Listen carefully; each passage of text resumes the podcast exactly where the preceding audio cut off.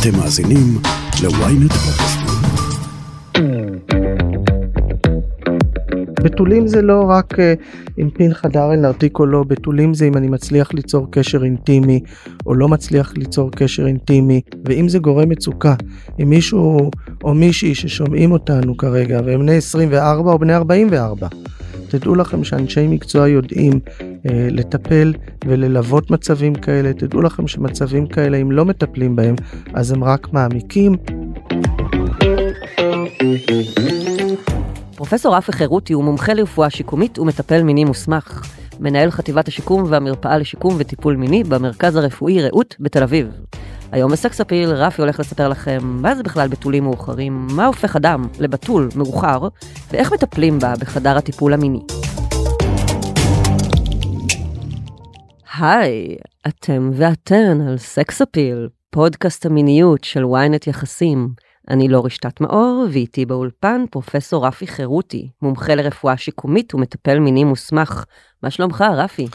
שלום שלום לורי, כיף להתארח אצלך שוב. יס, yes, uh, רפי למי שלא יודע והיא יודעת, התארח בו בפרק על הגודל הפין והאם הוא קובע או לא קובע, ועל הוויכוח הבלתי נגמר הזה לגבי החשיבות שלו.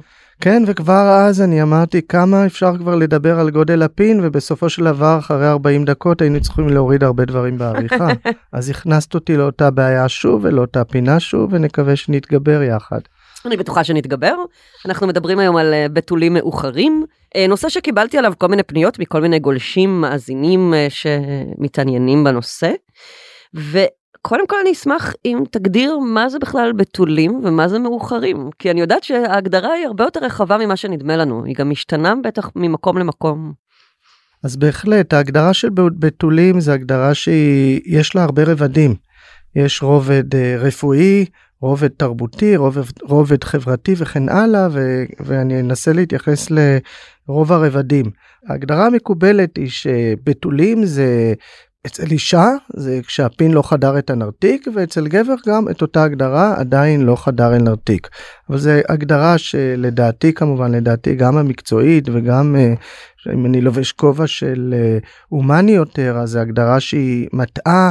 אה, ומעוותת ואני מקווה שנצליח יחד לנפץ את אותה הגדרה. אז הגדרה יותר רחבה לא מדברת דווקא על נושא של חדירה של פין לנרתיק אלא על מישהו שאדם גבר או אישה שמעולם לא חווה יחסי מין, ואז אנחנו נכנסים לעוד בור. מה זה יחסי מין? אוקיי?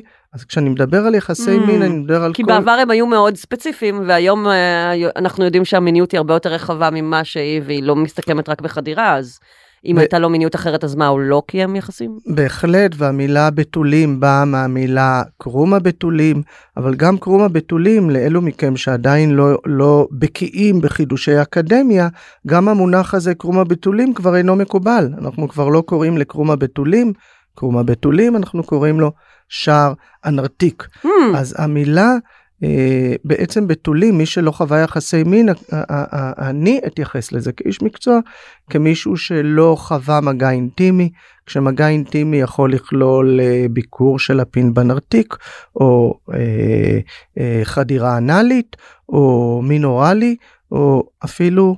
אה, אה, אם מישהי קיימה מין אוראלי, אבל היא לא קיימה כניסה לנרתיק, אז היא כבר לא בתולה בעצם? אז, אז כאן, כאן, כאן מתחיל בעצם, ה, ה, מתחילה הדילמה. אה, יש כאלה שקוראים לעצמם טכנית בתול, טכנית בתולה, שעשיתי הכל, אך לא קיימתי חדירה לנרתיק, אז טכנית אני בתול. Mm-hmm. זו הגדרה שאני חושב שנשיא ארצות הברית לשעבר היה מאוד מאוד שמח איתה, כשהוא אמר, אני לא עשיתי סקס עם אותה אישה, כשהוא דיבר על מוניקה לוינסקי, uh-huh. כי בעצם לא הייתה חדירה של פין לנרתיק, אלא היה רק... I did not have sexual relationship with that woman. But I want to say one thing to the American people. I did not have sexual relations with that woman, Miss Lewinsky. These allegations are false, and I need to go back to work for the American people. Thank you. כן, כן, כן, כי היה רק מין אוראלי. כן. אז האם מין אוראלי נחשב אה, יחסי מין או לא? התשובה שלי היא כמובן אה, אה, שכן. יש עוד רבדים לנושא של בתולים. כמו שאמרנו, מה זה יחסי מין? כל אחד יגדיר לעצמו, אבל יחסי מין הוא משהו הרבה הרבה יותר רחב. מאשר חדירה של פין לנרתיק בלבד. עוד שאלה אם, אם המין היה בהסכמה או שלא בהסכמה. Mm, אנחנו נכנסים כאן למקומות אפלים, אבל אם היה, היה מדובר באונס או משהו, מישהי שנאנסה, כשעוד לא היה לה שום ניסיון מיני, האם היא מוגדרת כבתולה או לא כבתולה? אז שוב, לפי הממסד הרפואי הנוקשה, אה, קרום הבתולים שלה לכאורה נחדר, אז היא כבר לא בתולה. אבל ברור שמבחינתה, איך שהיא רואה את עצמה, התפיסה שלה את עצמה, זה לא נכון.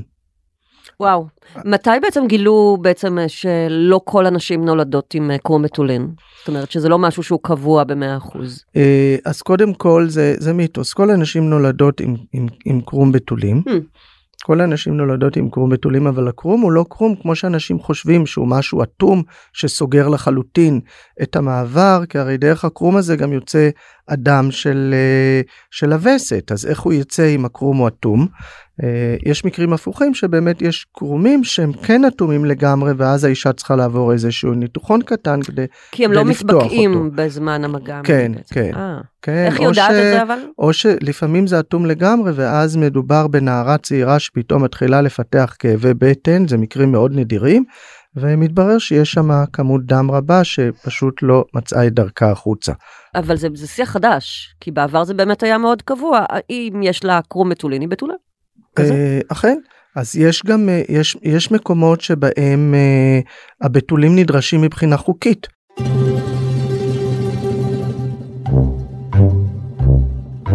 הידעת למשל שאם את היית רוצה להיות שוטרת באינדונזיה, המדינה המוסלמית הגדולה ב- ב- ביותר בעולם, את אה, צריכה להוכיח את בתולייך, מה? ושמה, שמה, שמה בבדיקה רפואית ניתן, אה, כן, זה משהו שקראתי בשיטותיי באינטרנט בימים למה האחרונים. שוטרות צריכות להיות אה, בתולות באינדונזיה? אני להם שאת- שאת? צריכה להפנות את השאלה הזאת אל שלטונות אינדונזיה. אני חושב שזה בא שוב פעם מאיזשהו מקום דתי. גם הדת כאן מאוד מאוד, זאת מוסלם, מדינה מוסלמית. כן, נכון מדינה מאוד. מוסלמית, דתייה, אז גם הדת, גם, גם אצלנו יהודייה כשרה צריכה להתחתן בבתוליה, זה, זה מופיע כמה, כמה וכמה פעמים אה, בתורה, אז אה, העניין הדתי נכנס גם כאן. נוצרים, גם אצל נוצרים זה ככה no sex before marriage נגיד. נכון, אז, אצל, אה, אצל קתולים כן. לדוגמה. עכשיו עוד פעם אם אנחנו מדברים על ההגדרה אז מה מה מה איך נגדיר מישהי שבעצם איבדה את בתוליה.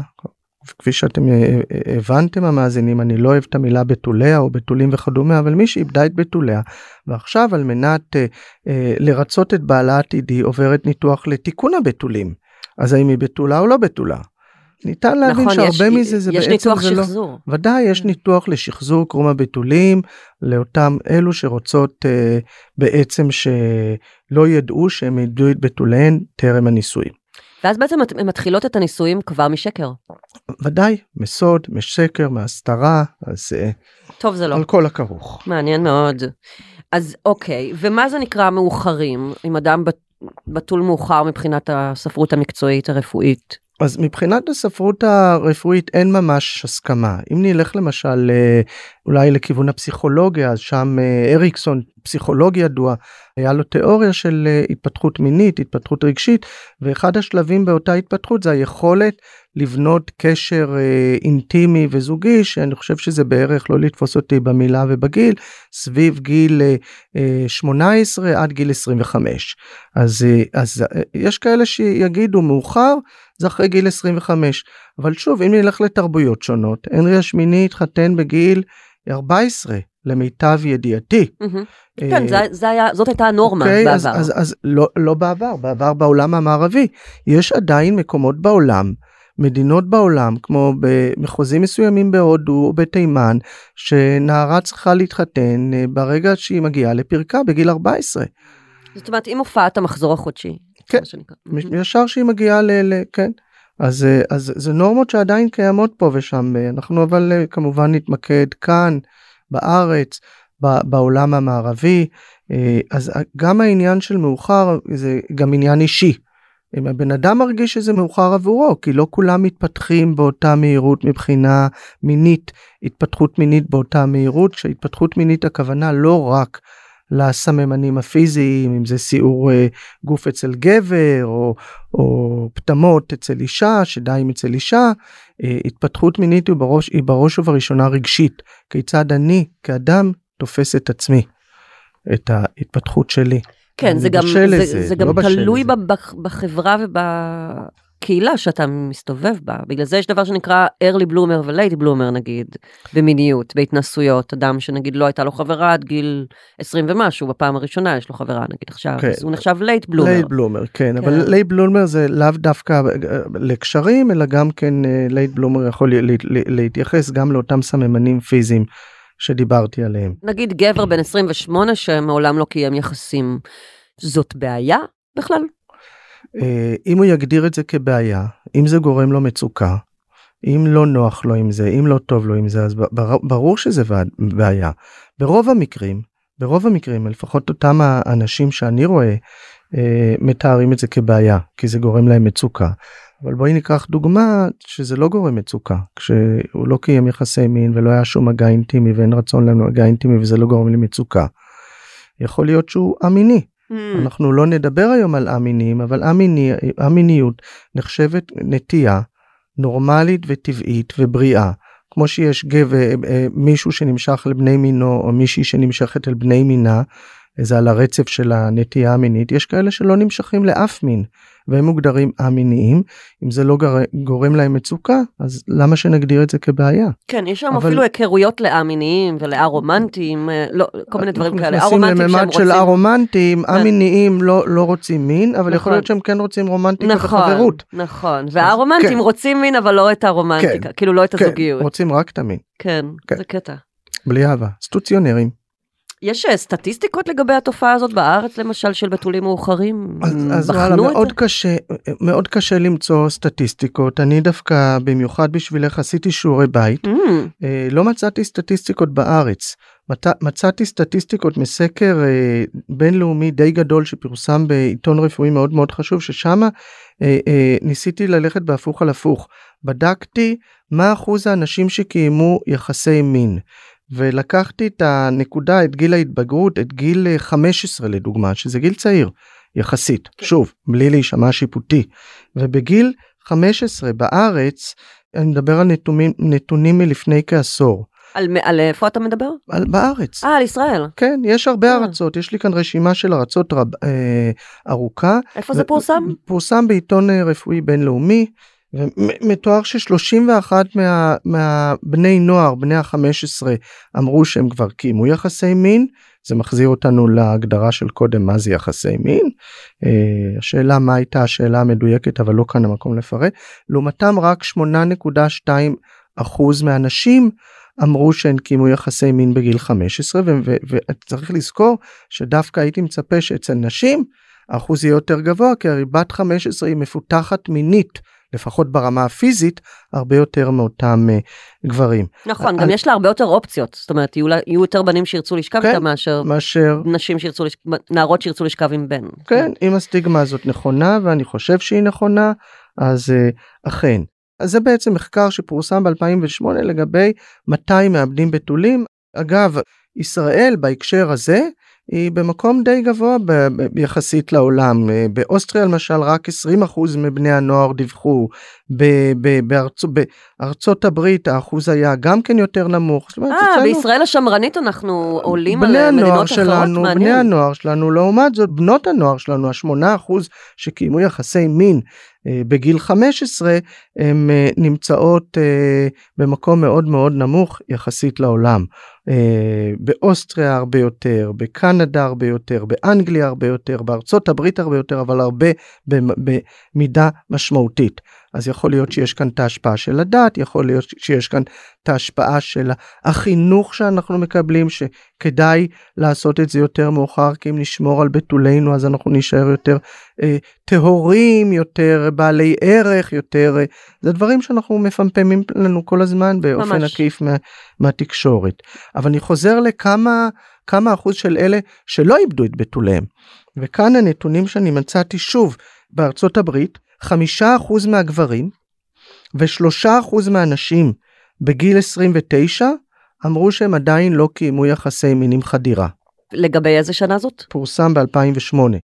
אתה מניח שזה השתנה? בגלל אני- הפורנו? אני, אני מניח הזה? שזה השתנה כי בדקתי המחקר הזה הוא מחקר שנקרא מחקר עוקב זאת אומרת בודקים את הנתונים כל כמה שנים לראות מה קרה ואז הם חידדו את השאלה הם אמרו אנחנו לא נשאל אם קיימתם יחסי מין או לא קיימתם יחסי מין אלא אנחנו נשאל חדירה של פין לנרתיק Mm, חדי- mm, נהיה מין אוראלי נהיה כן. הרבה הרבה יותר ספציפיים ואז אנחנו מעניין אותנו בעצם אלה שכלום שלא עשו כלום לא, לא היו שום יחסים אינטימיים, שזה מבחינתי ההגדרה לבתולים מאוחרים. לא היה להם שום מערכת יחסים אינטימית בגיל 40 בארצות הברית, אחוז מהגברים ושני אחוז מהנשים. אהה. אז זה נראה לי קרוב פחות או יותר גם לגיל, ש-40 אין ויכוח שזה מאוחר כבר, זאת אומרת על 25 אנחנו יכולים להגיד לא זה עוד גבולי, עוד אה, נכון. היה בצבא, טיול של כן, הזה, פה שם כן, וזה. כן, כן. ו-40 זה כבר, אה, יש קונצנזוס, מסכימה איתי? כן, כן, כן, כמו הסרט, בתול בן 40.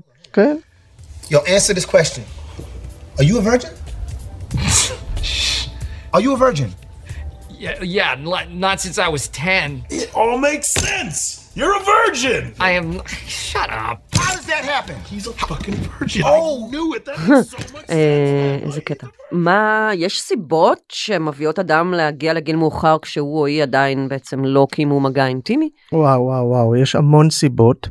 יש המון סיבות, אבל אני לא חושב שסיבה אחת אה, היא, היא הסיבה או הגורם המרכזי. אני חושב שבדרך כלל מדובר אה, בשילוב של נסיבות. בגדול אני חושב שמדובר בפחד מאינטימיות. פחד מאינטימיות, הרי מה זה ליצור אינטימיות? מה זה אינטימיות? אינטימיות זה גם לדעת לתקשר, גם לדעת לסמוך, לתת אמון, לבטוח, לשחרר, והרבה אנשים יש להם... להפגין פגיעות גם. להפגין פגיעות, לדעת אה, להיפגע בלי לקחת זה, ו- והרבה אנשים יש להם את הפחד הזה, סיבה נפוצה שהיא לא מדוברת. אה, ורואים אותה יותר ויותר זה כל הנושא של חרדה חברתית. אנשים שתראי אותם בכל מיני נקודות מפתח, אנשים שתראי אותם עם ביטחון בכל מיני אה, סיטואציות אחרות, אבל ברגע שמגיעים לסיטואציה חברתית של בליינד דייט, של משהו שיכול להוביל למשהו אינטימי, החרדה הזאת עשויה אה, ממש לשתק אותם. הם מגיעים לאיזשהו בליינד דייט והשיחה לא זורמת והכל הופך להיות אה, אה, מאוד נעים. תוך כדי השיחה הם ממש צופים על עצמם עם ביקורת עצמית, אוי איך אני נראה, איזה שטויות אני אומר, לא ירצו אותי וכדומה. ואז הם לא יכולים גם להיות אותנטיים, כן, ובאמת... הם מגמגמים, בתוכו. מזיעים, וכמובן ש, ש, ש, שזה לא מתפתח ל, לשום קשר. אה, אני יכול להמשיך להקריא רשימות מקול, אה, רשימה של, של, של, של הסיבות היא עצומה, היא ארוכה. אה, אני אגיד עוד כמה אה, סיבות שאני רואה אותן. אה, יש את הנושא של אה, דימוי עצמי.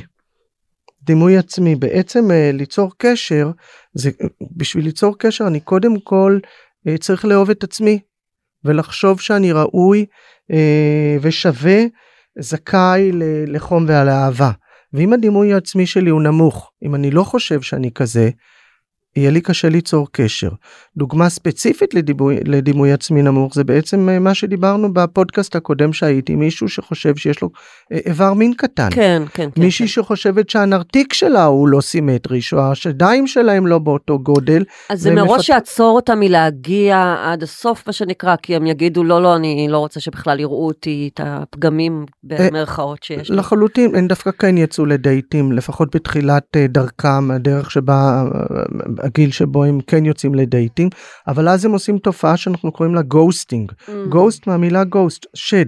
הם נעלמים, הם Mm. לא עונים להודעות, הם לא כי הם עונים נבהלים להוראות. בעצמם, ואז הם לא יודעים איך להגיב. כן, הם לא עונים, אם הם רואים שזה הולך להתפתח למשהו, אני לא רוצה שזה יתפתח עד למקום שבו יראו שיש לי קטן. אז אני עוצר ובורח. כן. אגב, מה עם אה, אנשים שקיימו יחסים, אבל רק, נגיד, עם נשים בזנות? זה גם קורה לפעמים. אז זה, עוד פעם זה הולך להגדרה, לאותה הגדרה שאמרתי, מה זה בתולים. מאוחרים. כשאני חושב שאם זה היה רק עם אה, אה, נערות ליווי נקרא לזה, כן. נעדן את המילה כמו שהמדיה אוהבת לעשות, אבל אה, אה, אה, אז שוב, זה כבר אנחנו יכולים להחליט האם הוא בתול או לא בתול, אם זה כן, היה, אבל זה אומר שיש לו איזושהי רק בעיה בכסף גם. ורק, לא? לחלוטין. אני מסכים אם אני כן הייתי מכניס את זה לתוך ההגדרה במרכאות בתולים מאוחרים. כי מבחינ...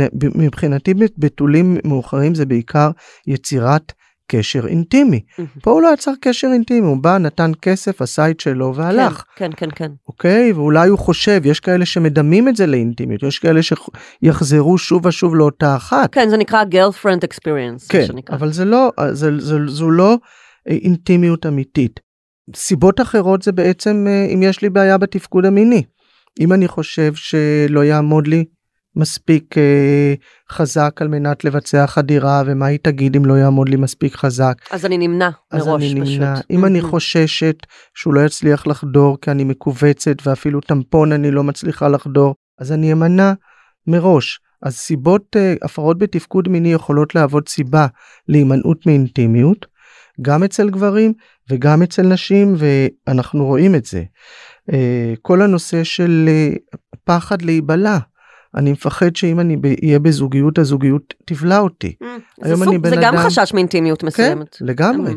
היום אני בן אדם עצמאי, היום אני קובע את הלו"ז שלי, היום אף אחד לא מתערב לי במה שאני מכניס למקרר ומה שאני מכניס הביתה, ופתאום בתוך זוגיות אני צריך להגיע לפשרות, אני צריך אה, להתחשב ברצו, ברצונות של האחר, ו, ופחות מתאים לי, מלחיץ אותי, מפחיד אותי. עוד סיבה להימנע מאינטימיות. יש גם סיבות פסיכולוגיות אה, עמוקות יותר, כל הנושא של abuse, גבר או אישה שעברו פגיעה מינית, הטרדה מינית, ג- גילוי עריות, אה, מקרים קשים שבסופו של דבר באמת אה, אה, גורמים להם לפחד מאינטימיות, כי אמרנו שאינטימיות זה לתת אמון, זה, זה, זה לבנות ומבחינת ביטחון. המערכת שלהם זה מקושר למשהו האפל הזה שהם עברו, לטראומה הזאת, אז הם בכלל לא רוצים להביא את עצמם לאיזושהי סיטואציה שיכולה לתרגר את זה. לגמרי, ואז הם מעדיפים להימנע. מהמם. או המודל שאנחנו ראינו בבית. אם בבית אנחנו ראינו גירושים מאוד מכוערים, מאוד Mm. כואבים וכולי, אנחנו רוצים להימנע מזה. אנחנו חוששים ליפול לאותו מקום. תכף ממשיכים, הודעה קצרה וחוזרים. Ynet פלוס החדש עם הסיפורים הכי מעניינים ומיטב הכותבים. חודש ראשון בחמישה שקלים ותשעים בלבד. למצטרפים חדשים כפוף לתנאי השימוש.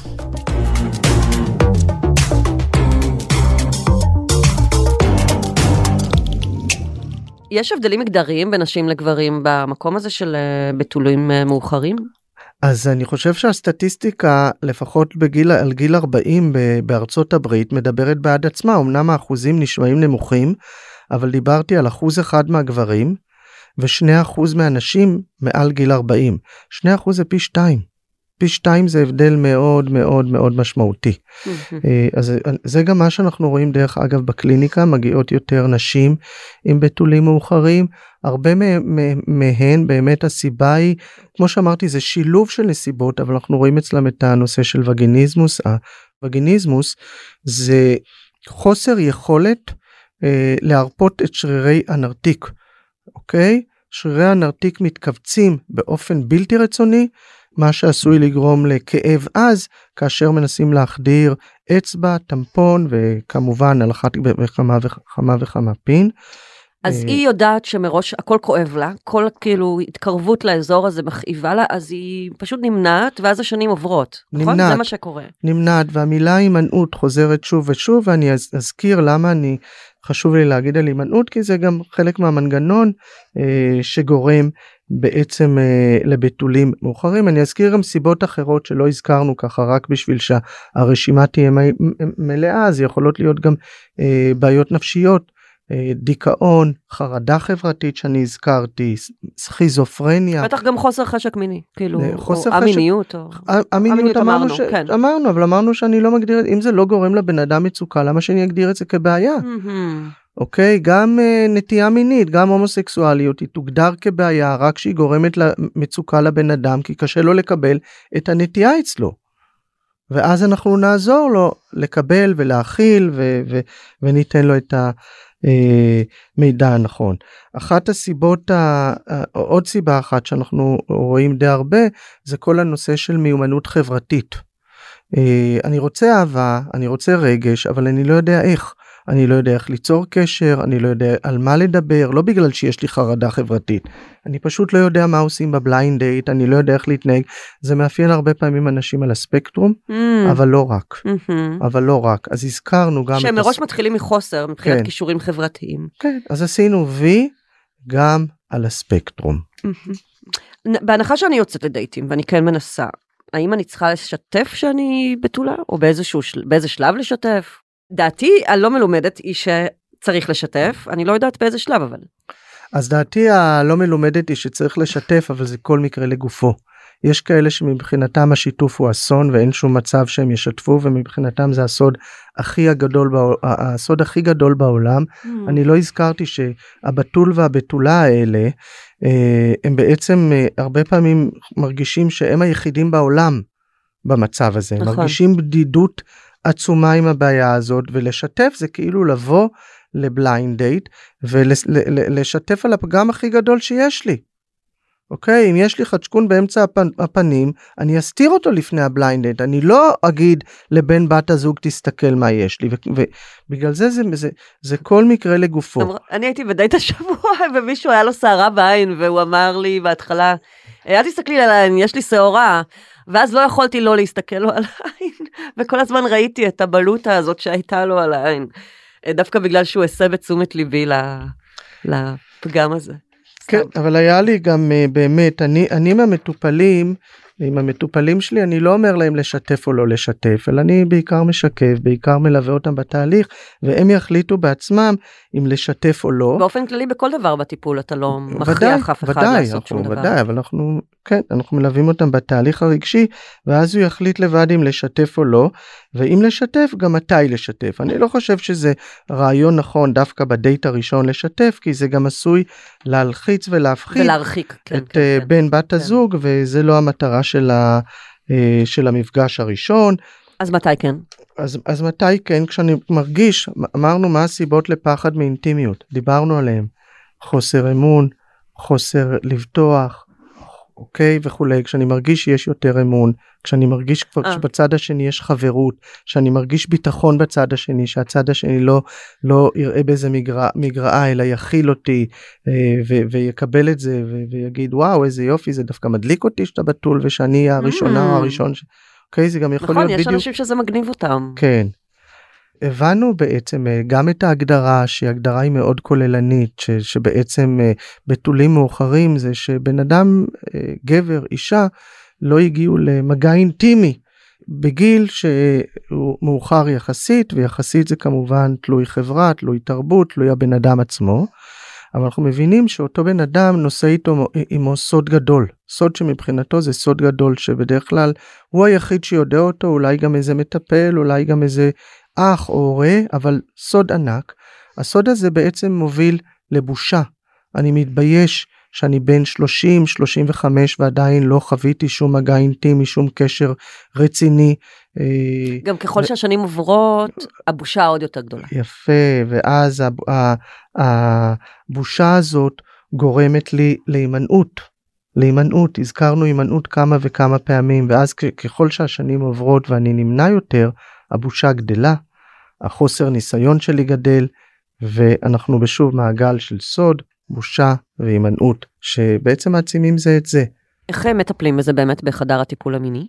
אז בחדר הטיפול המיני אם הבנו את המעגל הזה אנחנו מבינים שהדבר הראשון שאנחנו צריכים לעשות זה לשבור את, המ- את מעגל הבושה לשבור את המעגל השלילי.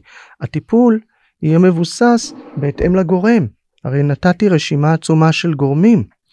אה, אז אנחנו צריכים בשלב הראשון קודם כל לזהות מה הגורם או מה השילוב של הנסיבות.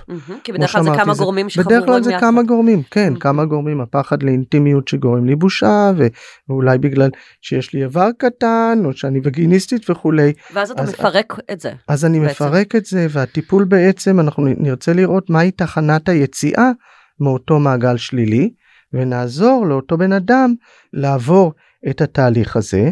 הרבה פעמים יש צורך בטיפול כי, כי רוב האנשים בתולים מאוחרים לא מצליחים להגיע לתובנות לבד. הם לא יכולים, הם לא מצליחים להבין מה הגורם אצלי, למה?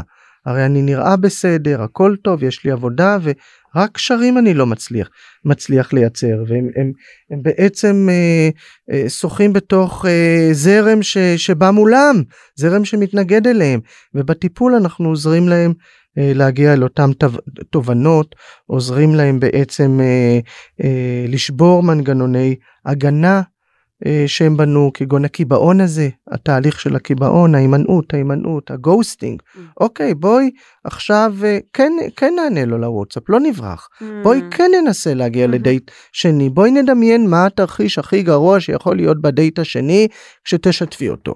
ובואי ננסה לראות שהתרחיש הכי גרוע הזה הוא לא כזה גרוע כמו שבנית לעצמך בראש או בנית אתה לעצמך בראש. אז אתה, אתה תלווה את המטופל מטופלת אה, וגם תמליץ להם לצאת לדייטים או לנסות כזה כדי לשבור את המעגל? אנחנו נ, נלווה אותם, לפעמים אנחנו נחליט מראש, קודם כל בשלב הראשון זה דייט יהיה רק דייט. דייט בלי כל מה שבא מאחוריו, כי מבחינתם דייט מוביל לדייט השני, מוביל לדייט השלישי, בדייט השלישי כבר צריך להגיע למגע אינטימי, אה, אם אנחנו בתל אביב אז אולי זה גם כולל אה, יחסי מין, אז לא אנחנו אומרים להם דייט זה רק דייט. בואו לא, בואו, בואו לא נגדיל את זה לממדים שיוצרים את אותו פחד, את אותו חשש, ונתרגל בהתחלה רק דייט. אז אנחנו בעצם אה, אה, עוזרים להם אה, גם לפתח דפוסי חשיבה שהם אה, חיוביים ולשבור את התקיעות אה, וגם ל- לרכוש דפוסי התמודדות שיהיו בריאים. ואמרת לי בשיחה מוקדמת שבמקרה קיצון אתם ממליצים לשלב גם אה, מה שנקרא סרוגייט. אה, אכן סרוגייט למי שלא יודע סרוגייט זה בעצם שימוש בבן או בת זוג חלופיים בתוך הטיפול. נוצר בעצם איזשהו משולש טיפולי שבקודקוד אחד המטופל או המטופלת בקודקוד אחר המטפל שמנהל את הטיפול, איש מקצוע, מטפל או מטפלת מיניים מוסמכים, בעלי ידע בתחום, והצלע השלישית היא סרוגייט שהיא בעצם מדמה את הזוגיות. וטיפול סרוגייט הוא מצוין באמת לאותם אנשים שאצלם יש בעיה במיומנות חומי, חברתית או בפחד מאינטימיות, כי בטיפול עצמו אנחנו בכלל לא מתחילים ממקום מיני. אנחנו מתחיל, מתחילים בטיפול סרוגייט מבליינד דייט. בליינד דייט בחוץ במקום ניטרלי, בבית קפה. עם הסרוגייט. עם הסרוגייט. כן. הסרוגייט יכול להיות גבר, הסרוגייט יכול להיות אישה. אה, הם צריכים להיות באותו גיל כמו המטופל? פחות או יותר, פחות או יותר, אנחנו לא ניתן, אה, לא נעשה הפרשים גדולים מדי, צריכה להיות כימיה. צריכה להיות כימיה, בבליינד דייט גם הסרוגייט יכולה להגיד לא מתאים לי, גם המטופל אה. יכול להגיד לא מתאים לי, זה מדמה לחלוטין את העולם האמיתי ובעצם אה, הוא מאפשר לתרגל מיומנות חברתית כמו של שיח שדיברנו שהרבה אצל הרבה המיומנות החברתית היא זו שפגועה החרדה החברתית יכולה להשפיע ולגרום לו להזיע ולגמגם ואז אנחנו עוזרים לו לבנות סיטואציה חיובית וברגע שאני חווה סיטואציה חיובית שהיא מעצימה אותי אז אני מחכה לפעם הבאה שהיא תהיה גם כן חיובית והפעם החיובית הזאת שוב מעצימה אותי ואנחנו נכנסים למעגל ההפוך למעגל החיובי. אה, מי הם אותם סרוגייטים? מה, מה זה אומר מבחינתם? וואו, סרוגייט זה נושא לתוכנית בפני עצמה. אבל uh, סרוגייט, אנחנו, אני יכול להגיד לך שאני בקליניקה שאנחנו מספקים שירותי סרוגייט. באישי, נכון? באישי, נכון? אישי זה מרכז לטיפול מיני, זוגי, פרטני וטיפולי סרוגייט. Uh, מעולם, מעולם לא פרסמנו שאנחנו מחפשים סרוגייט. הם קוראים על זה במקרה והם אומרים וואלה זה אני, זה מתאים לי. אה, והם מגיעים בעצמם. ואנחנו הם עוברים כמובן הכשרה מתאימה הכשרה שכוללת אה, ידע תיאורטי גם סדנאות וגם כמובן לאבחון של אנשי מקצוע לראות שאין כאן איזשהו רצון להפקה הפקה של רווח משני שזה לא mm. לא המטרה וזה mm-hmm. אנשים אנשים עושים את זה מתוך אלטרואיזם מתוך אלטרואיזם מתוך יכולת הכלה עצומה מתוך uh, סיפוק ושוב אני uh, עובד עשרות שנים uh, קרוב ל-25 שנה עם האנשים האלה ואני יודע אני שומע מהם זה שהם מרגישים בסוף טיפול שהם שינו לבן אדם את החיים. רק בעצם זה שהם דימו בן או בת זוג חלופיים מבחינתם זה משהו אדיר משהו שממלא אותם משהו שמספק להם את הצרכים. אה, אז אני לא יודע אם לקרוא לזה אלטרואיזם, אבל היכולת באמת להיות בצומת מאוד קריטי אצל אה, מישהו אחר, ולסייע באותו צומת, כמובן בשיתוף עם אה, אנשי המקצוע שמלווים אותם בתהליך. אז בעצם הסרוגט אחרי כל דייט בא אליך כמטפל ומתייעץ ומספר מה היה? הטיפול הוא, הטיפול נבנה באופן כזה שכל דייט שיש לסרוגייט עם, עם המטופל, לפני הדייט יש פגישה עם איש המקצוע. אה, גם המטופל יודע בדיוק מה הולך להיות. זאת אומרת, אנחנו בונים את התרחיש שהוא לא יהיה כזה שיגרום לחרדה אצל המטופל. המטופל יודע שאם יהיה מגע, המגע יהיה רק, עד, רק בכף היד ורק עד שורש כף היד. זה לא יגיע למקומות שמפחידים אותך. אה, לאחר כל מפגש, הסרוגייט ממלא דוח בדיוק מה היה, והיא מקבלת, אה, היא או הוא מקבלים, כי יש לנו גם סרוגייט בנים לבנים וסרוגייט בנים לבנות. Hmm, הם מקבלים בעצם את ההנחיה מה הגבולות של המפגש הבא ו- ומשקפים להם גם מה עלה מצד המטופל ולמרות שזה נשמע מלאכותי וטכני הטיפולים האלה מאוד מאוד מדמים את העולם האמיתי מה שיפה בטיפול שהמפגש האחרון הוא שוב בבית קפה מפגש של פרידה hmm. הסרוגייט מביא מביאה מתנה לפרטנר הפרטנר המטופל מביא מתנה גם כן כי גם בחיים האמיתיים הקשרים שלנו לא מסתיימים תחת החופה Hmm. הם מסתיימים בפרידה אז צריך לתרגל אותם וגם גם על זה. פרידה מהמם. צריך לדעת לתרגל כן. וכיצד לעשות וואו. כמה מפגשים זה? או שזה ממש סובייקטיבי ותלוי באדם? זה מאוד סובייקטיבי. מאוד סובייקטיבי. אם עולים אה, תכנים שהם קשים אז אה, לפעמים אנחנו אפילו עושים הפסקה בטיפול על מנת לטפל רגשית באותם תכנים קשים. אה, ו- ואם זה טיפול שבאמת מדובר רק בחרדה חברתית או רק במיומנות חברתית והמטופל המטופלת מגיעים עם הרבה מוטיבציה לשנות ועם הרבה רצון הטיפול רץ הטיפול רץ. ואני יכול להגיד לך שאני כמי שיושב מהצד גם נהנה לראות את השינוי שחל במטופלים כן. שרואים את זה אפילו ברמה הפיזית פתאום את רואה אותם מגיעים יותר מטופחים פתאום לבושים אחרת פתאום החזה שהיה מאוד אה, מסוגר וכפוף פתאום הם הולכים עם חזה פתוח וזה כיף זה. פתאום כיף יש להם לראות חיוניות. כן כאילו. אנרגיית חיים. חיון- לגמרי רפי, יש אה, משהו שנקודה, נושא, משהו שלא התייחסתי אליו וחשוב לך להגיד בהקשר על זה של, של בתולים מאוחרים? אני חושב ש, שסך הכל העברנו את המסר שאנשים שמרגישים שבתולים זה לא רק אה, אם פין חדר אל נרתיק או לא בתולים זה אם אני מצליח ליצור קשר אינטימי או לא מצליח ליצור קשר אינטימי אם זה גורם לי מצוקה או לא. ואם זה גורם מצוקה אם מישהו או מישהי ששומעים אותנו כרגע והם בני 24 או בני 44 והם מרגישים שהם לא יצרו קשר וזה הם במצוקה בגלל זה תדעו לכם שאנשי מקצוע יודעים לטפל וללוות מצבים כאלה תדעו לכם שמצבים כאלה אם לא מטפלים בהם אז הם רק מעמיקים נתתי גם מידע באחוזים שהאחוזים בגיל צעיר הם הרבה יותר גבוהים מאשר בגיל 40 ואתם לא לבד בואו תפנו ותקבלו את הטיפול המתאים. מושלם. תודה רבה רבה. תודה על האירוח לורי. Yes. טוב, אה, יש לי כבר נושאים אחרים לארח אותך בהם. אז אה, נתראה בפרקים הבאים. להתראות להתראות.